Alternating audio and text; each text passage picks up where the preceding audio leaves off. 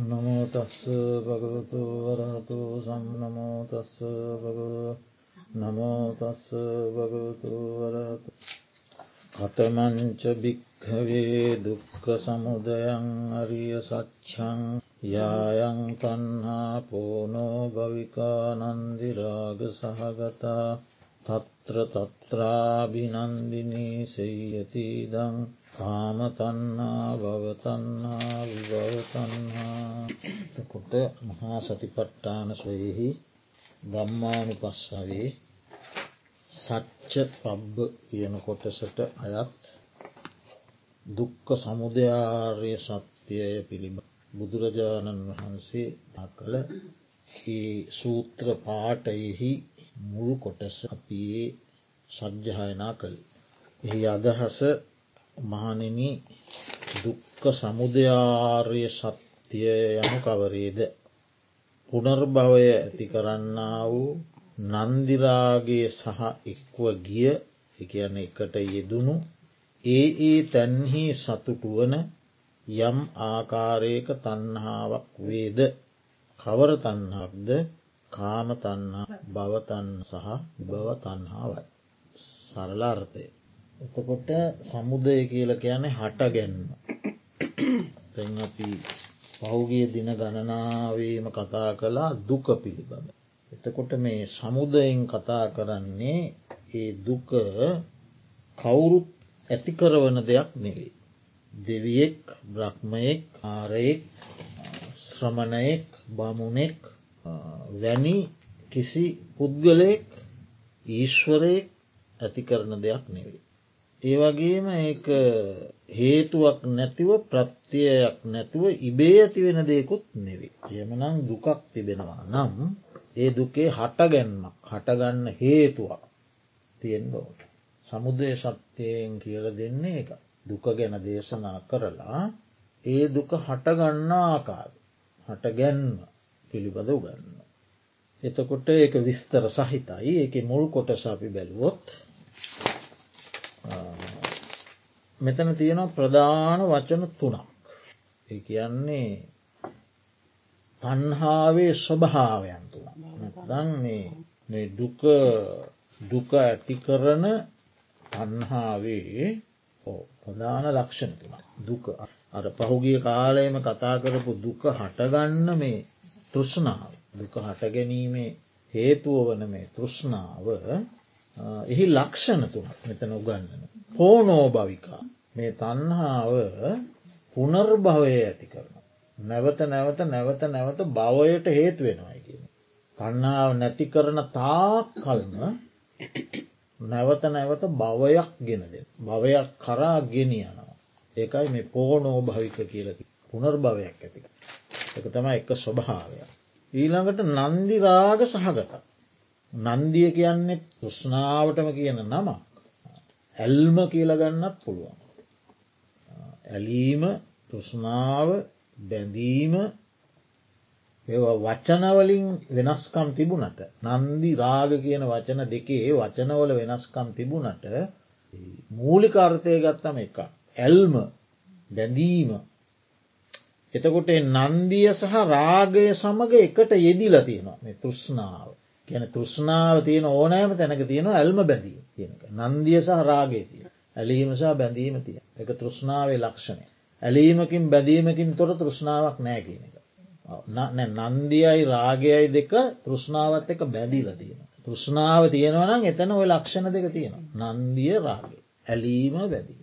ඒකයි නන්දි රාග සහගත කියන්න නන්දිය සහ රාගේ සමඟ එකට බැඳිලා එකට යෙදිලා එක්ව ගියා එක්ව ගිය වෙන් වෙලා නෑ සහගත කියන්න එක්ව යෙදුනා කියන. එක්ව ගියා එකට බැඳුනාගෙන. වෙන් කරන්න බෑ. නන්දිය සහ රාගේ තෘෂ්නාවෙන් වෙන් කරන්න බෑ එක එකට සංයෝජනය. තොට මේ නන්දිය සහ රාගයත් එක්ක එකට යෙදිල තියෙන. තොට පුනර්භවය ගෙන දෙනවා නන්දිරාගයක් එක් එක්ව බැඳිලතිය. එක්ව යනවා. ඊළඟට තත්‍ර තත්‍රාභි නන්දිනි. ඒ ඒ තැන්හි සතුට වෙන. සතුටෙන් පිළිගන්නවා කියන්නපු. ඒ ඒ තැන්හි සතුට වෙනවා සතුටෙන් පිළිගන්න. මොනවද ඒ ඒ තැන් කියන්නේ රූප සබ්ද ගන්ධරසි ස්පර්ස් පංචකාම සම්පා. ලැබෙන ලැබෙන තැන හිත අලවන හිතේ බැඳෙන හිත ප්‍රිය කරන හිතට මනාපය ඇති කරන ඒ ප්‍රිය මනාප වූ පංචකාම සම්පත් රූප ශබ්ද ගන්ධරත ස්පර්ශ කියන තැන්වල ඇල්ලෙනවා. නැත්තං ඒ ඒ තැන් සතුටෙන් පිළිගන්න.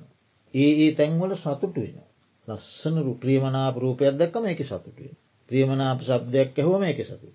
ප්‍රියමනාප ගඳ සෝදත් දැක්කම එක සතුට. ප්‍රියමනාප රසයට සතුට වෙන. සතුටෙන් පිළිගන්න සතුට වෙනවා පමණන්නෙමේ බෝම සතුටෙන් පිළි පායකායතුම පුදුමාකාර ආස්වාදනීය බවකින් පිළිගන්න. පැහැදිලිදේ. පිළිගන්න ස්වභාවය. තත්ත්‍ර තත්‍රාභිනන්දින්. ඒ ඒ තැන්හි සතුට වෙන. ඒ ඒ තැන්හි අභිනන්දනී කියන සතුටෙන් පිළිගන්නවා කියන අර්ථයක් තිය. සතුටෙන් පිළිගන්න අභිනන්දනය කර. නන්දන ගැන සතුට වෙනවා. අභි කියන් විශේෂයෙන් සතුට වෙන. අභිනන්දන. එතකොට ඒ පංචකාම සම්පත් ඒවා ගැන සතුට වෙනවා සතුටෙන් පිළිගන්න ඒක විතරන්නෙමේ. ඒ ඒ ලැබෙන භවයේ සතුටෙන් එලෙනවා. ඒ භවය සතුටෙන් පිළිගන්න. තිරිසන් සතාපවා ඒ භවයට කැමති. ඒ භවයෙන් අත් මරන්ඩ ලැස්තෙන්ටක බලන්න කැමති නැන මැරෙන් කුෂ්ටරෝගයක් හැදන සතෙක්වත් මැරෙන්ට කැමති ගලකින් හනකට දුවල හැඟෙන. ඒ ඒ භවය සතුටෙන් පිළිගන්න. අපි හිතන්ගන්න අපේ ඒක තමයි සතුට කියලා ඒගොල්ලු ඒකට සතු. කුකුල් පැරකෝ එදා කුකුල් පැටියෙක් මේ අර වැටිලා ඉඳල කොහෙද මම අනේ අසරනය කියලා මෙහම අල්ලා මහකකිල්ලඟට දානකොට ඕමාව දෙයා ඒගොල්ලු ඒක පිළිගන්න ඒක සතුටෙන් අල්ලගෙනින්. මට එයාට අනුකම්පාවක් ඇතිලා යාර අත කොහෙද එහා පැත්තක වැටිලා නීති යාරයා ඒක දැක්ක වෙන විදිකට. ඒගොල්ලු ඒකට සතුටු. එතකොට මේ පංචකාම සම්පතුත් සතුටෙන් පිළිගන්නවා ඒ ඒ උපදින බවය.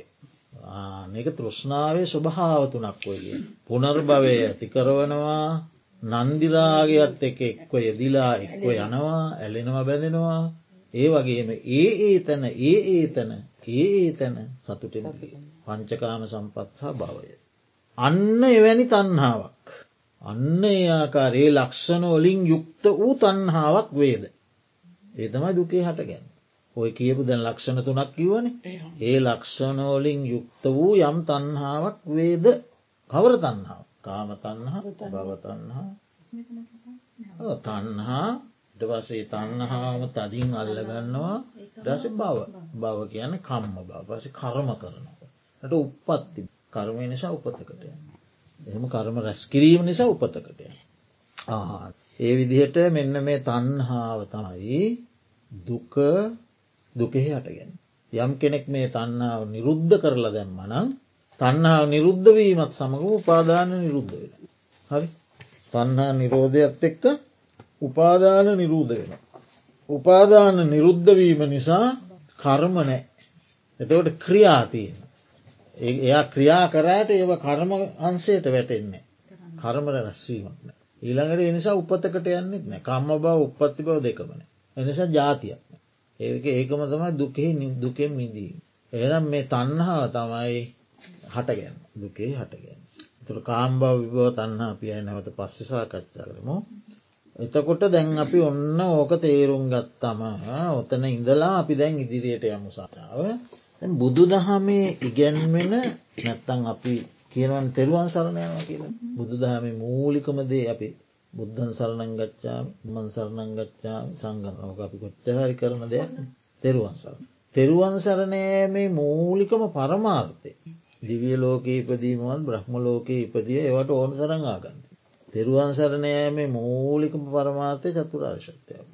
අනිත් තියෙන් ඕන තරම් වෙන තැන්වොල්ට යන මාර්ග පෙන්න්න ආර්ථිකය දියුණු කරගන්න හැටි මාරින්වන්ට ඕන තරම් කට්ටිය. හරිද ඔයාන වාහන හදන ඇති දෙන්න ඕන තරන් තියෙනවා වට සල්ලි දීලා ඉගෙන ගන්න දීලා ගෙල්ලා කෝස්ස එකකට මාසාහක අවුරුද්ධක කෝස්ස එකක් කරලා ඇව ඉගෙන ගන්න. එතකොට බුදුහාමුදුරුව ලෝ පහළ වෙනකොටත් රූපාවචර අරූපාවචර බ්‍රහ්මලෝකෝලට මඟ පෙන්වන ආගම් තිබුණා. බුදුහාමුදුරුව බෝසතාණන් වහන්සේ ඒතැන්වලට ගිහිල්ල තිගෙන ආලකාර උද්ධ කරා ඒ තැන්වලට ගිහිල්ල ඉගෙන ගත්තේ මාර්ග. ඒවට ඕන තරම් තැන්තිය නොස්වර්ගයට යන හැල දෙන්න දෙව්ලෝ උපදිනට ඒවත් බුදුහාන්දුරුව කියල දීලා තියෙනවා. නමුත් මූලිකම පරමා චතුරාර්ය ශක්තිය අබෝධ. ඒක මොකද මූලික අබෝධය වෙන්නේ අනිත් කිසිම තැනක ඒක නෑ. හරිද. අනේකයි වෙනස.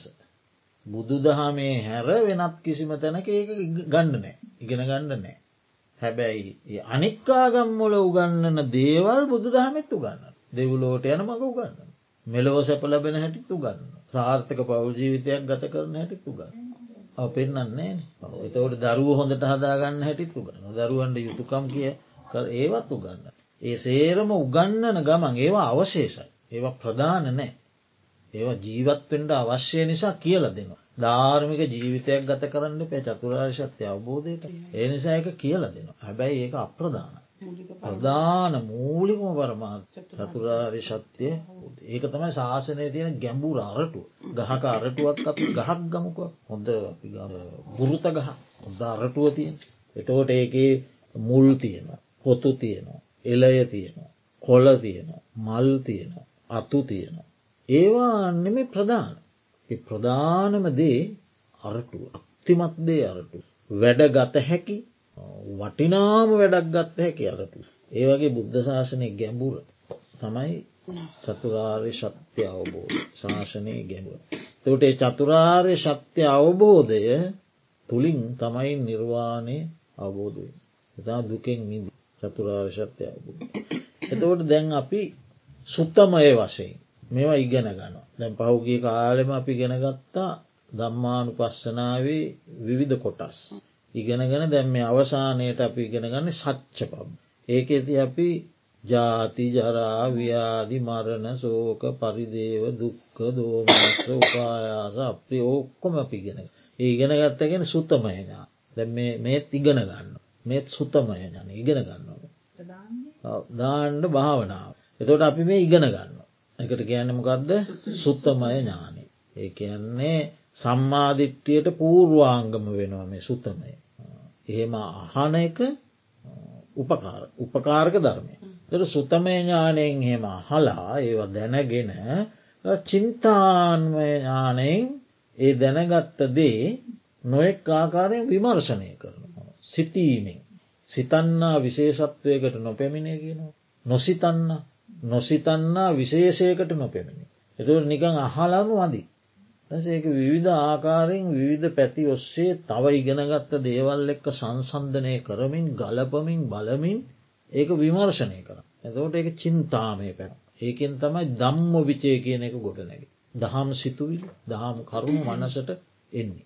එතවට සුතමය චින්තාමය දෙකින් භාවිත කරගත්ත සිත ඊට පස්සේ බහුලීකෘත කරන කියනක තම භාවනා. වඩනවා ඉගෙන ගත්තදේ අනුව ජීවිතය බෙදා බලමින් චිත්ත චෛතසික රූපෝලට බෙදමින් නාපරූප බෙදමින් චක්කුෂෝත ගාන ජීවා කායමනයට බෙදමින් රූප සබ්ද ගන්දරස ස්පර්ශශිල්ට බෙදමින් එහෙම වඩනවාය එකට ගෙන භාව. එතකොට යන්න ඒ එසේ භාවනා කොට අවුරුදු සීයක් උත්සාහ කරනකොට චතුරාර්ය සත්‍යය අවබෝධ වෙනවාකිව සීයම උත්සාහ කරත් කමන්න.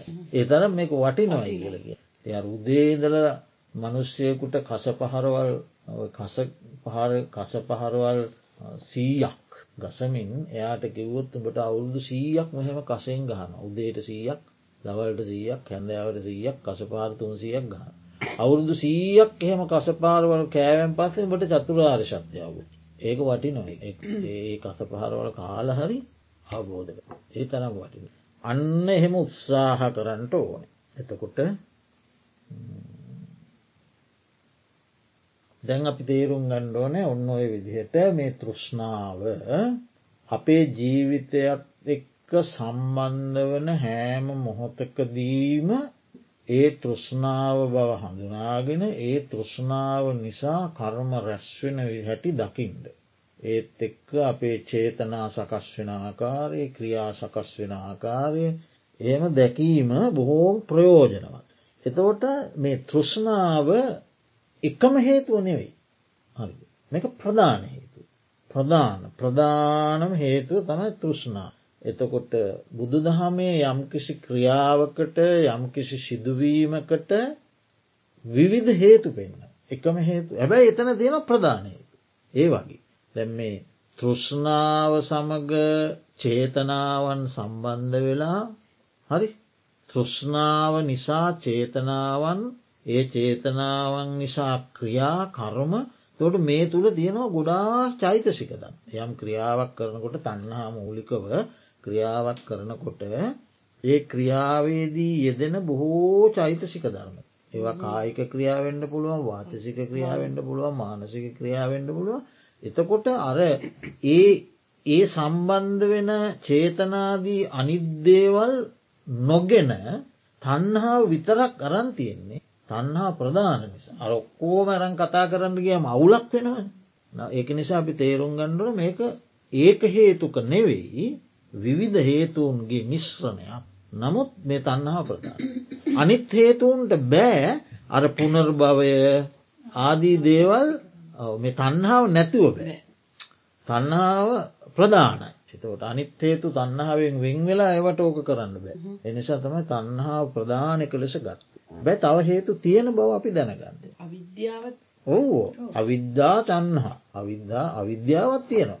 ඒ තන්හාාව තියෙන ඕනම තැනක අවිද්‍යාව තියෙන. අවිද්‍යා තන්හා අවිද්‍යාවෙන් තොර තන්හාක් අවිද්‍යාව තිය ඔවු. ලෝබ මෝහනි. ලෝබ මෝහ. දවේශේ තියෙනවනම් දවේශේ තියෙන තැනත් මෝහේදී. ලෝබ මෝහ දෝෂ මෝහ මෝහ මෝහ. මෝහෙන්තොර ලෝභයක් මෝහෙන්තොර දේශයක්. දවේශය හටගන්න හැම තැන මෝහේදී. ලෝබය හටගන්න තැනත් මෝහේදී. මෝහය තුළත් මෝහේදී.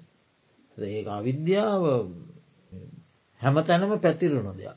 ඒ අවිද්‍යාය නිවතෝ ලෝකෝ අවිද්‍යාවෙන් තම ලෝකයේ වැහිලතිය. තන්හාාව තන්හාාව වසයෙන් දකින්න නැත්ත අවිද්‍යාව නිසා. ඒ තන්හාාව සැපේ තන්හාාව සැපයක් කියලා අල්ලගන්නෙත් අවිද්‍යාව නිසා. ඒකින් මුළු මනින්ම අඳුරු කරලදා. මේක තියෙන ඇල්ලෙන ස්වභාවේ. අරකින් කරන්න අන්දකාරයක් නොපෙන්නා අවබෝධය වහලදාන මුවහා කරනු කරන ස්වභාවය. එතකොට තෘෂ්ණාවෙන් තොරව අනිත් චෛතසිකවලට එහෙම ඉදිරියට යන්න බෑ. අයනිසා අන් හේතු මේ තන්නහාවට රුකුල් දෙනවාන උපකාරකද. තන්නහාාවේ පැවැත්මට අන්දව රුකුල් දෙනවා. උපකාරන හරියට මේ ගහක පැවැත්මට වතුර රුකුල් දෙන්නේ මුල්ලොලින් ඇදගන්න පෘතුවී රසේ රුකුල් දෙන්නේ එතවට හිරුවලිය රුකුල් දෙන්නේ පැවැත්මට ඒවගේ රුකුල් දෙනවා. උපකාර වෙන. එතකොට හේතු හේතු දක්වන තැන තියෙන තෘෂ්ණාව.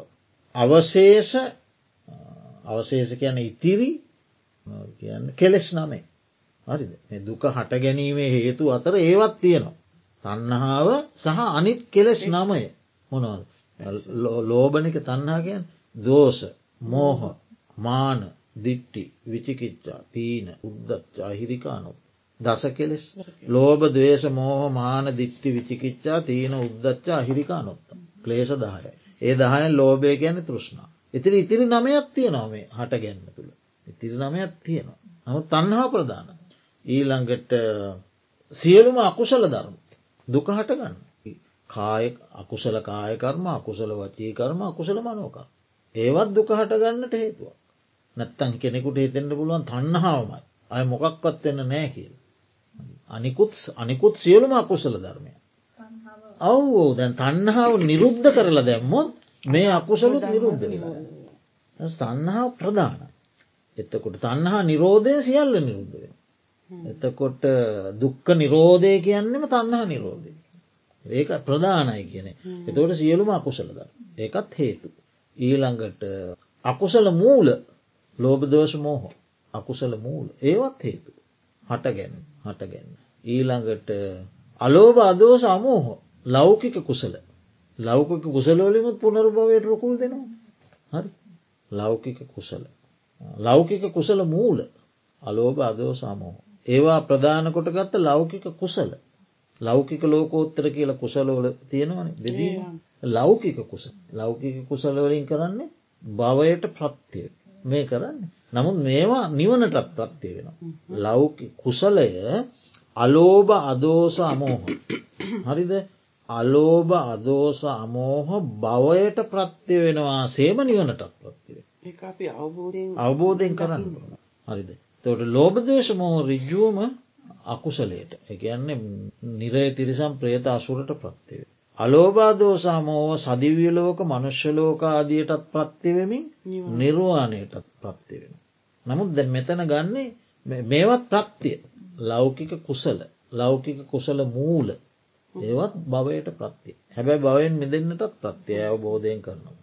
එතකොට අන්න ඔක්කෝම ගන්නවා මේ හේතුවලට ගත්තට මේ ඔය ඔක්කෝම කතා කරන්න ගියාම මේක මහා අවුලක් වෙනවානේ. එනස සමුදය සත්‍යයේදී ගන්නවා අයින් ප්‍රධානක.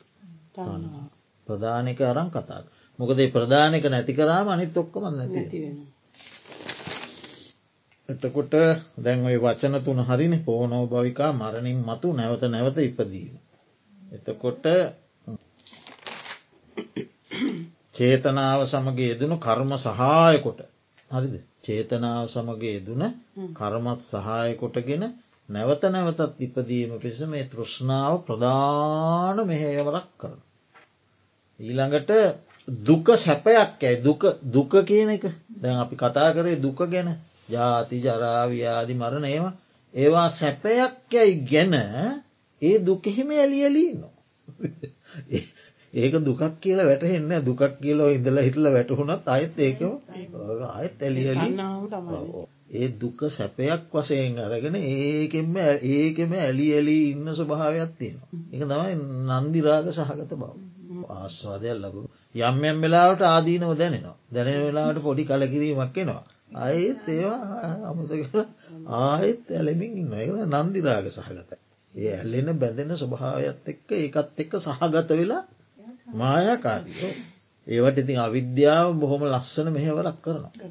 ඊළඟට ඒ ඒ භවයන්නේ ඒ ඒ ආරම්මණයන් සතුටින් පිළිගන්න. එතකොට මේ ලෝකයේ ඉන්න සියලූම සත්වයන්ට. යම්තාක් සත්වයෝ වෙද්ද ඒ සියලූම සත්වයෝ ඔන්න ඔය තෘෂ්ණාවට බැත් ඒකේ වහලෙක් මෙහෙකරුවෙක් බවට පත්වෙලා තමයි. ඒ ඒ නොත් අජ්ජත්තික තෘෂ්ණාව ගොඩක් බලව.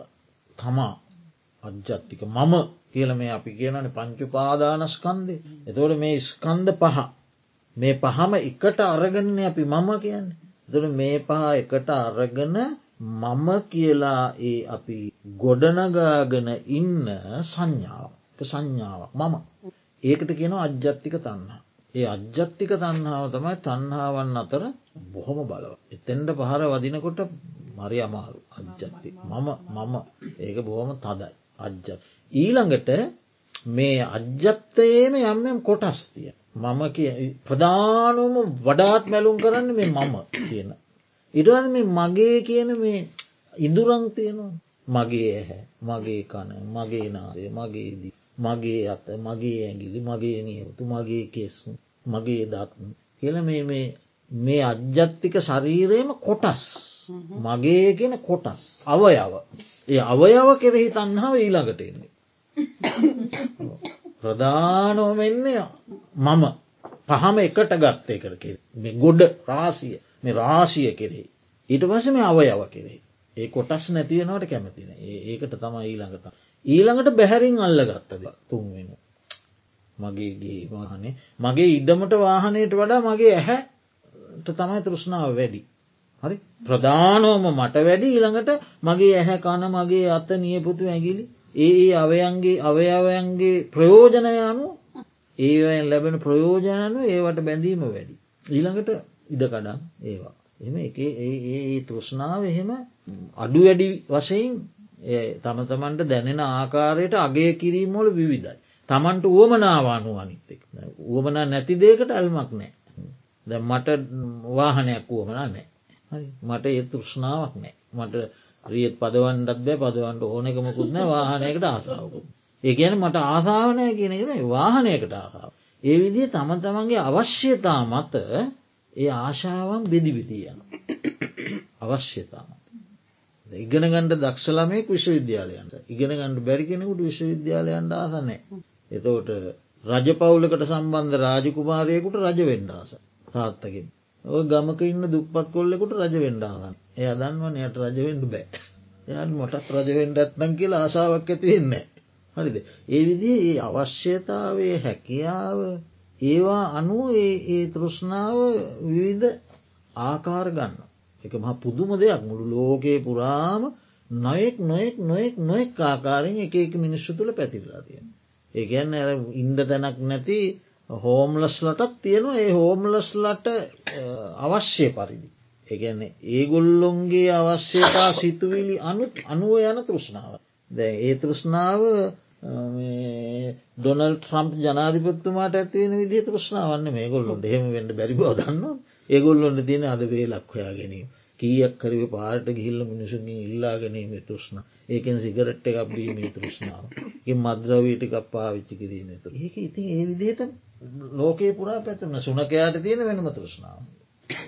විවිධ මට්ටම්. හැබැයි හැමෝටම තියෙනවා අර මුලින්ම තියෙනෙ මම.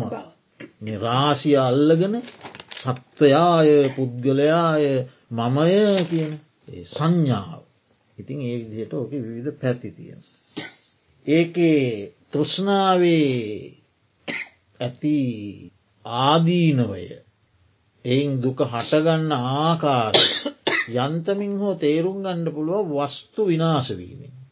තමා ඇලුම් කරන දෙයක් නැතිවීමෙන් තමන්ගේ හිතට දැනෙන පීඩනය තුළේ. දැනගණ්ඩ පුළුවන් තෘෂ්ණාව මේ තරම් පීඩාකාරි දෙයක් එතකම් දැනෙන්නේ තමන්ගේ ජීවිතය නැතිවෙන්ට යනකොට තමන්ට දැනෙනවා ජීවිත තෘෂ්ණාව කොච්චර බලවද. තමන්ගේ හැක් අන්දවෙන්ට යනකොට දක් පේනවා ඇහැට මං කොච්චර ආදරේද. හරිද. නිරෝගීව ඉන්ඩ මම කොච්චර තන්නහාාවක් දක්වනවාද කියන එක දැනගන්න පුළුවන් පෙසර වැඩිුණා. එතකොට දැනෙනවා. ඒ ඒ වස්තු විනාශය යනු.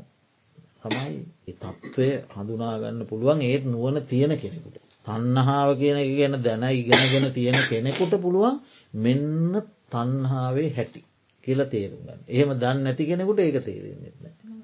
එහෙම එනවා. ඒක තමයි එන්නේ ඇයි අපි සුතවත් බව තිබුණට චින්තාමයත් යම් යම් වෙලාට තිබුණට අපි භාවිතයෙන් නෑනේ අඩුයිනි තොට භාවිතය තියෙන කෙනා ඒක හැම අවස්ථාවකම හැම සිදුවීමකදීම ඒ ඒ ධර්මයට අනුව බලනවා. භාවිතයෙන් පුරුදුන කෙන.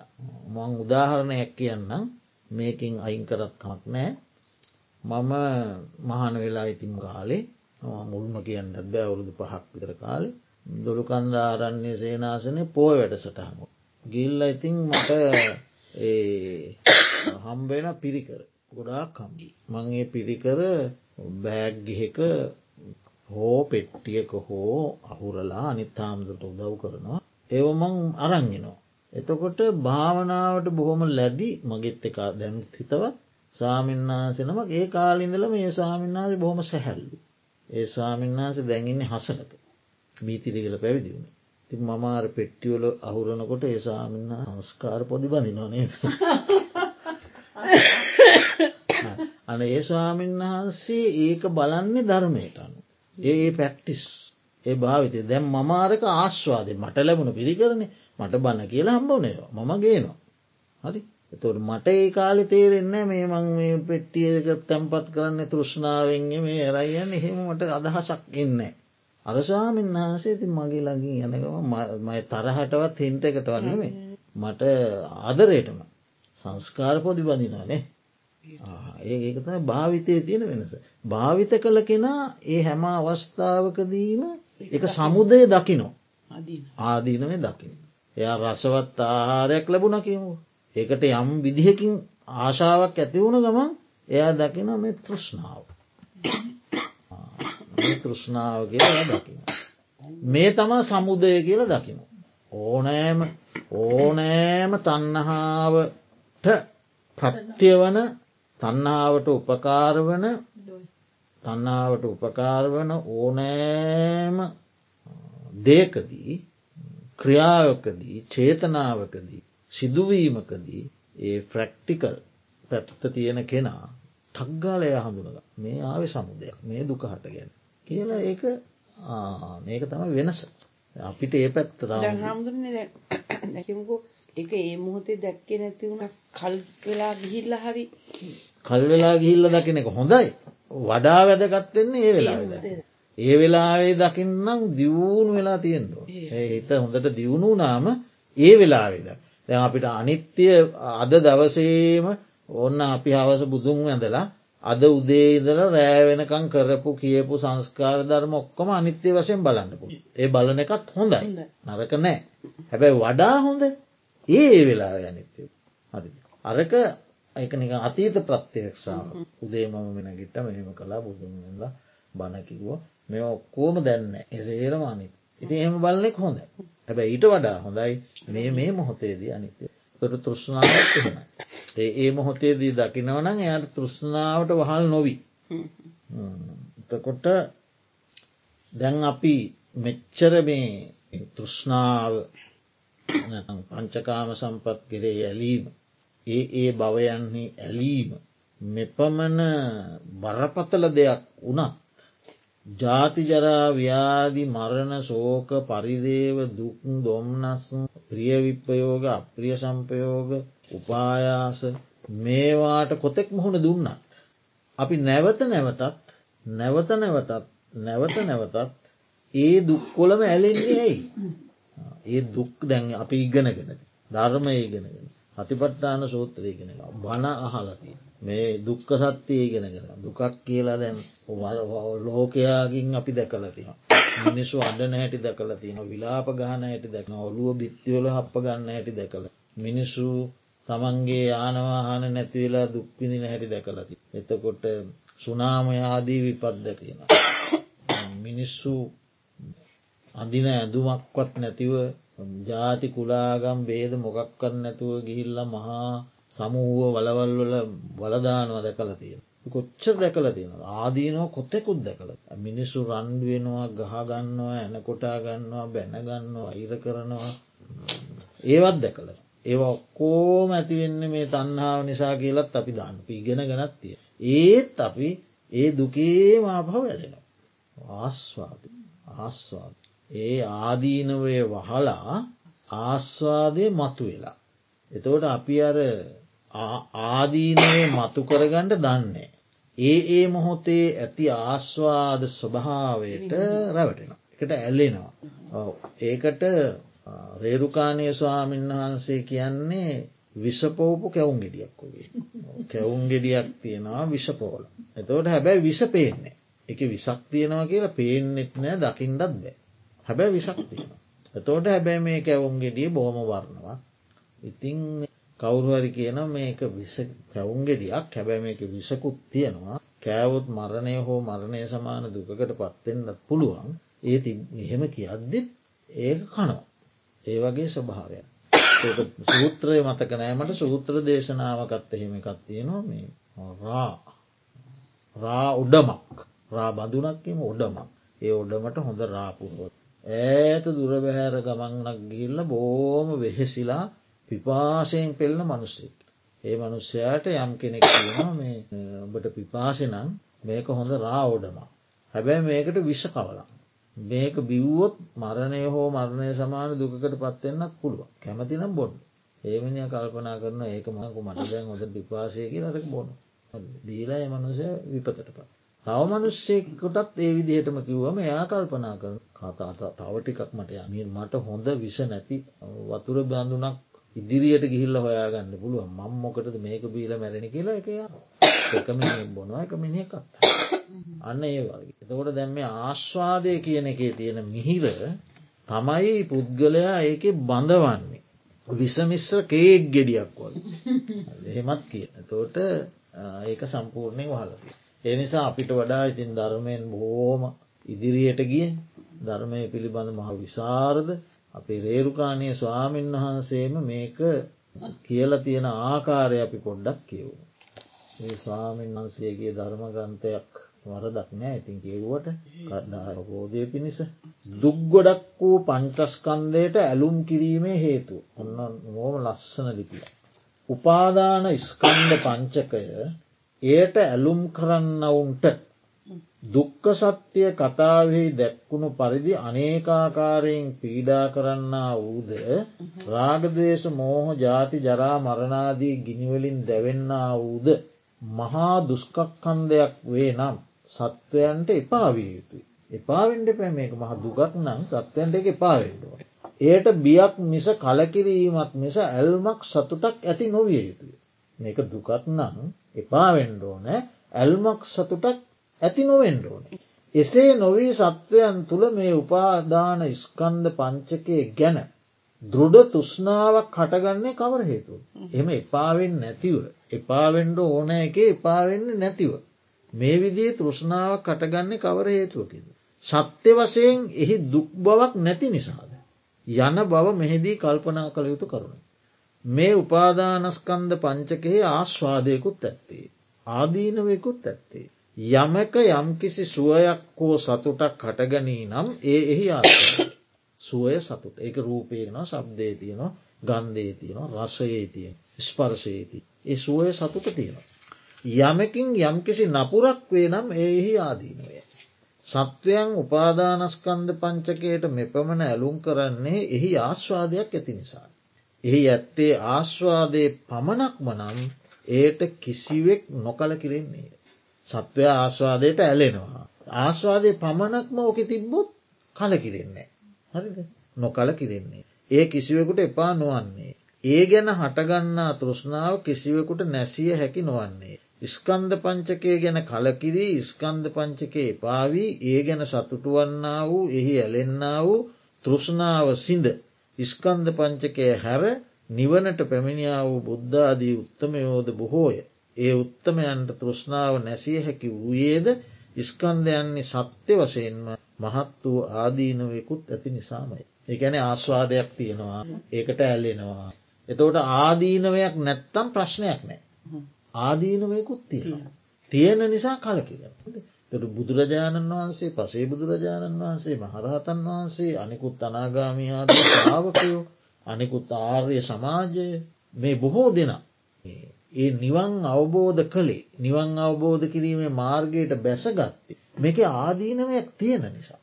ආදීන නැත්තන් කලකිරෙන්නේ බෝසතාණන් වස ගිහි ජීවිතය දාලයන්නේ මහාකාශයප මහරතන් වස පලිමානව කියර අක්කර ලක්ෂගානක් දාලා එන්නේ නේද? ආදීනවයකුත් තියෙනවා. ආස්වාදයකුත් ආස්වාදය තියෙන නිසා එල්ලෙනවා ආදීනව ඇත්තිය නිසා කලකිර. එතවට හැමෝම කලකිරෙන්න ඇයි? ආදීනව පේෙන් ආස්වාදයට වැහිලයි. ආදීනුව වැඩියෙන් දැකපු අය එක දැකලා අර අපි මුලින් කිව්වේ දැකලා චින්තාමය වශයෙන් හොඳට නුවන මෙහේවලා බලල මේක ආදීනවයක් තියෙනවා ආස්වාදය බොහොම ටිකයි කියලා හරියටම තේරුම්ගන්ට දක්ෂගෙන මේක දාලයනවා. එගුළු දක්ෂයි ගොළු තේරුම් ගන්න දක්ෂ නුවන මෙහේවන්ඩ දක්ෂ. අපි ඉඳල හිටල දකින. අය වැහෙනවා. සාමාන්‍ය ලෝකය හැම සමහර මිනිසු දකින්නෙමන. සමහරුව දකිනවා දැකලා ආයත් ආස්වාදයට ඒකයි මේක මේ කියන්න. මේ ස්කන්ද පංචකේ විසමිශ්‍ර කේක් ගෙඩියක් වෙන්නේ. විසමිශ්‍ර වූ කේක් ගෙඩිය දකින කල්ලි සිතට සුවයක් හා සතුටක් වන්නේ. සුවඳ ආග්‍රහණය කරන කල්ලිද රසේ ආශ්වාදනය කරන කල්ලිද එසේම සිතට සුවයක් හා සතුටක් වන්නේ. ඒහි ආශ්වාදය. යමක් ඒ වැළඳුව හොත් ඔහුට මරණය හෝ වන්නේ.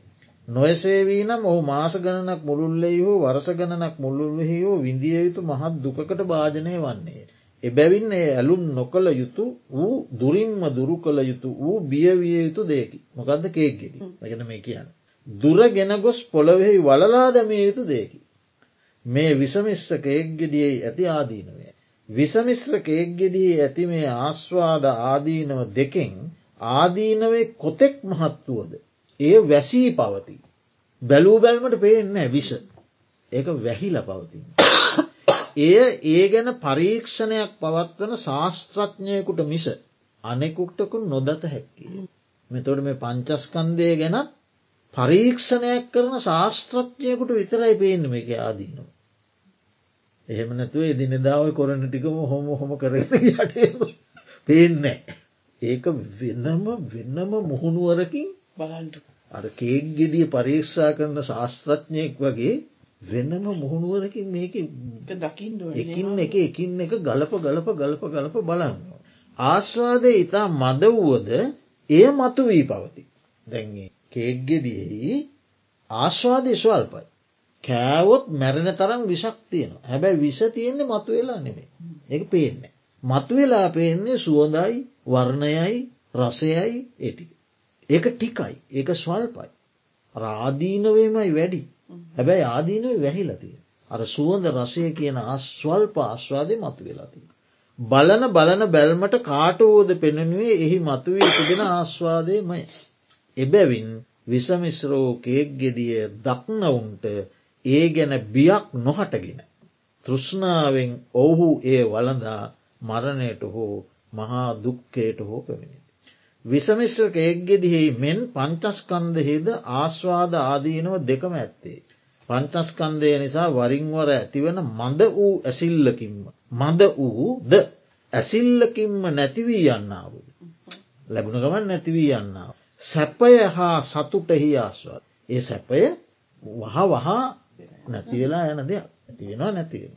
හැබැයි ඒක තමයි ආස්වාද. ඒ ඇතිවෙලා නැතිවෙලා ගියත් ඒ සැපේ තමයි ආස්වාදය. ඒක තම ආස්වා. එහි ආදීනවයම ඉතා මහත්තය.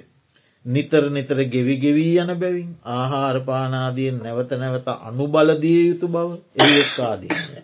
නැවත නැවත ආහාරදෙන්. නැවත නැවත වතුර දෙන්නවා. හරි එක ආදීනවේ. එතකොට නිතර නිතර ගෙවි ගෙවී යන ඒකත් ආදීනව.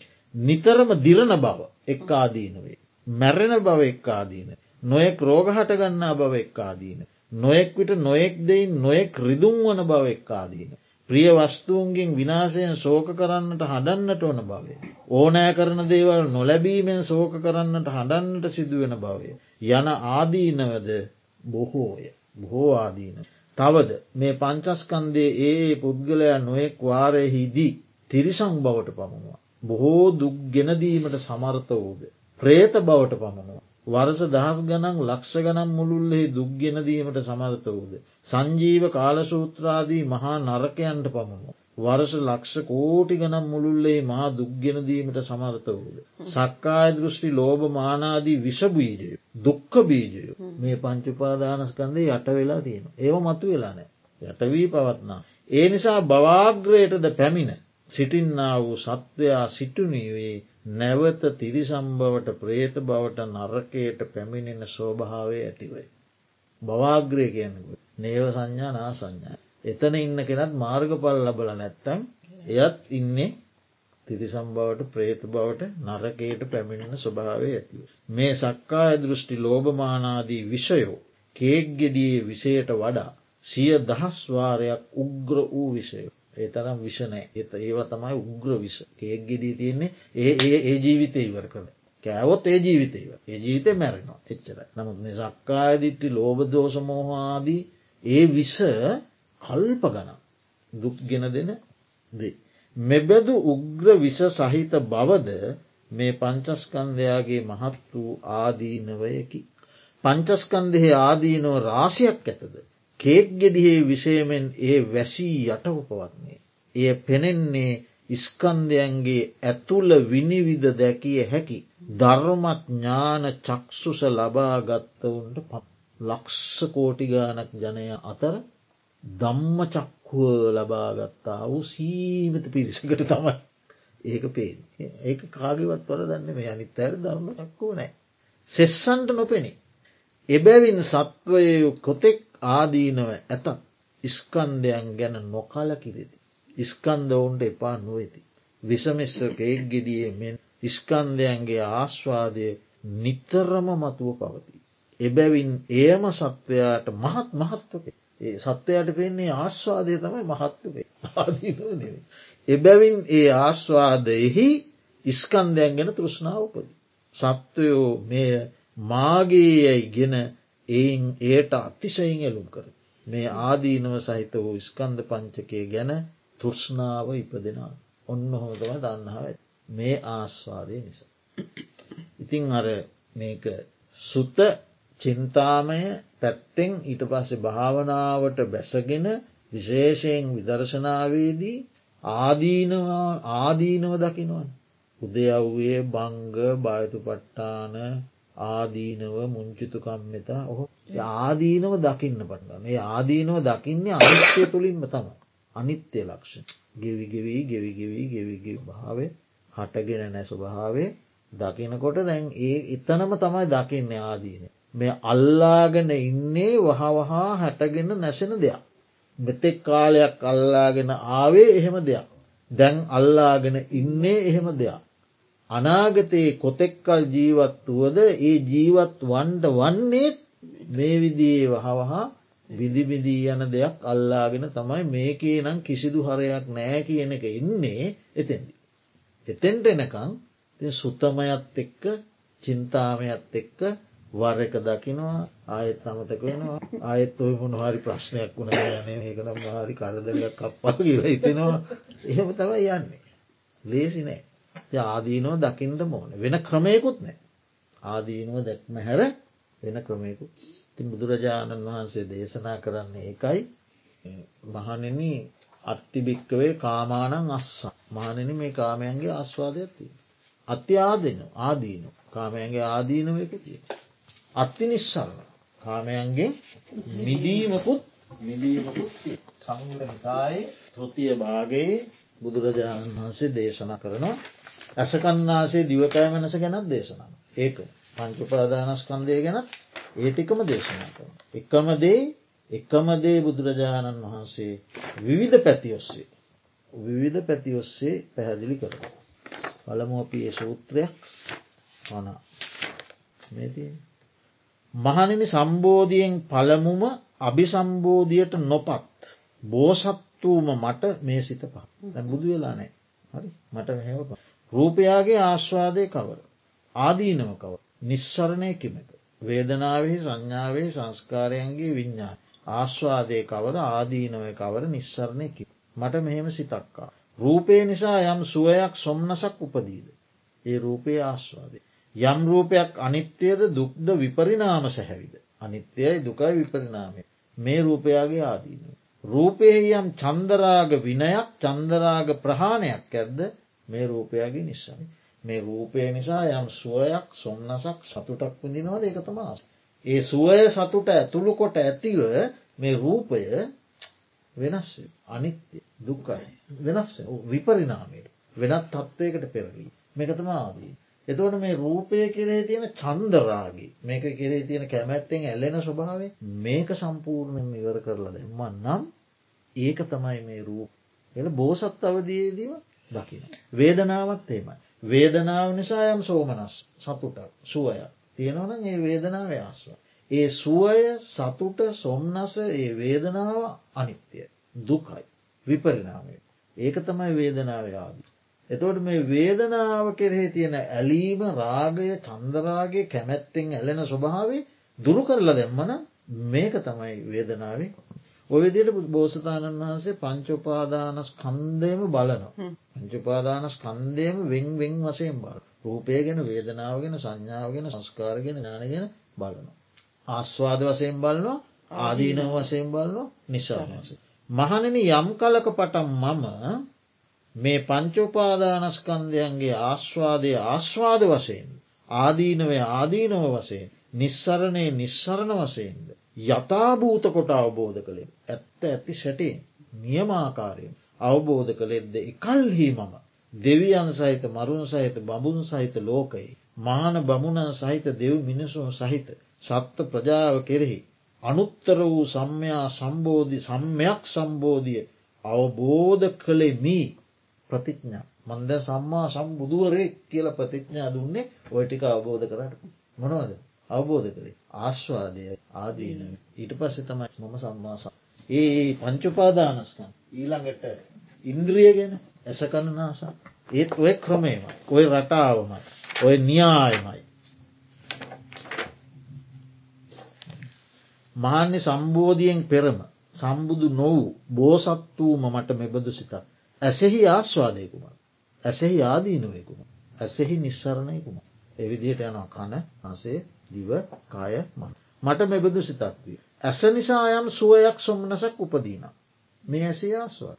යම් මැසක් අනිත්‍යයන දුක්නම් වෙනස් වන සුළු මේ ඇසෙහි ආදීනුව. ඇසේ යම් චන්දරාගේ දුරු කිරීමක් චන්දරාග ප්‍රහාණයක් වේ මේ ඇසෙහි නිස් විමුක්තිය. කරුණ තුනයි. ඇස ගත්තා ඇස ගැන බැලුව මේකින් ආශ්වාදයක් තිය මේක ආදීනව ඇතිය මේක මිදීම. ඒවිදියට බලන කණනාසේ ඔන්න හය බෝසතන්න බෝසත් අවදීදීම බලනවා. ජීවිතය හයට බෙදුව. හයට බෙදුල මේ හැ කණ දිව කය මනස්. බැලුවම් මේක ආශ්වාදය ආදීනව මේකට කෙරේ තියෙන චන්දරාගේ ඇල්ම එකැන තෘෂ්ණාව මුළුමනින්ම දුරු කරලා දෙමන එතන තමයි මිදී. ඊළඟට ඒකම බුදුරජාණන් වහන්සේ ඊළඟට බලනවා බාහිරේ වගේ රූප ශබ්ද ගන්ධ රස ස්පර්ශ අජ්‍යත්තික ආයතන හජ්‍ය ගැන බැලුව පස බලන බාහිර. මාන්‍ය සම්බෝධියෙන් පෙරම සම්බුදු නොවූ බෝසත් වූම මට මෙබඳු සිතක් විය. රූපයන්ගේ ආස්වාදයකුම ආදීනවෙකු නිස්සරණයකු. ශබ්දයන්ගේ ආස්වාදයකු. ඒ විදියට බලන රූප සබ්ද ගන්දර රූපයන් නිසා යම් සුවයක් සොම්නසක් උපදීද මේ රූපයන්ගේ ආස්වාදය. යම් රූප කෙනෙක් අනිත්‍යය නම් දුක්නම් අනාත්මන විපරිනාම දම්මන මේ රූපයන්ගේ ආදීනවේ. රූපයන්නේ යම් චන්දරාගේ දුරලීමක් චන්දරාග ප්‍රහාණයක් වේ නම් මේ රූපයන්ගේ නිස් බෝසතාණන් වහන් බලන්නු බලනවා. අපිට මේක දැන් අද බලන්න පුළුවන් දැන් මෙත නිදල දැම් බලන්න පුළුව ඒත් අපි තාමත් කෙලෙස් කඩන්ඩ දක්ෂණය දැම් බලන්න පුළුව දැම් මට මගේ වයසත් එක්ක බලන්න පුළුව මේ වයස මේ වයස තුළ මම යන් කොච්චර රූප දකිින්ද. ඒ රූපොල ආස්වාදය. කෝ දැන් ඒ රූප? අනිත්‍යය දුක්කයි විපරිනාම වෙලා. ඒ තමයි රූපය ආදී. මං මේ කන්දකින් කොච්චර මේ වයසට සබ්දහන්න. ඒ සබ්දවලින් කොච්චර ආශ්වාද ලබන්න. කෝ දැන්ගේ සබ්ද. අනිත්‍යය වෙලා දුක් වෙලා විපරිනාම. අන්න ඒ විදියට බෝසතාණන් වහන්සේ අජ්ජත්තික ආයතන ගැන. බාහිරා ආයතන ගැන බලනවා. ඔය ආස්වාද ආදීනව නිසා. ඊලාට පංච උපාදානස්කන්දයක. ඊලාට කාමයන් ගැන බල. කාමයන්ගේ ආශ්වාද ආදීනුවනි. ඔතකොට චුල්ල දුක්කක් කන්න මහා දුක්කක් කන්න ආදී සූත්‍රෝල තියෙන කාමයන් ගැන බල. ඒවගේ ආශ්වා. ඒවා ගැන රටේ මිනිස්සු යන්න කොටාගන්න මරාගන්න හැටි ඔක්කොම තියෙනවාය. මේ හැම්ම තැයි මේ හැම එකම ඒව තමයි ගැන. එතකොට අන්න එහෙම තමයි මේ තෘෂ්ණාව දුක හට ගැනීමට ප්‍රධානය ප්‍රධාන කරුණ ඒක කියන්න ලේසි ඉගෙන ගන්නත් ලේ. හැබැයි ඒක දකින්න නම් එක අතහරින්න නම් ඔය ආදීනවේ දකින්නටම ඕන. ආදීනවේ තාවකාලිකෝ දැක්කටත් මන්.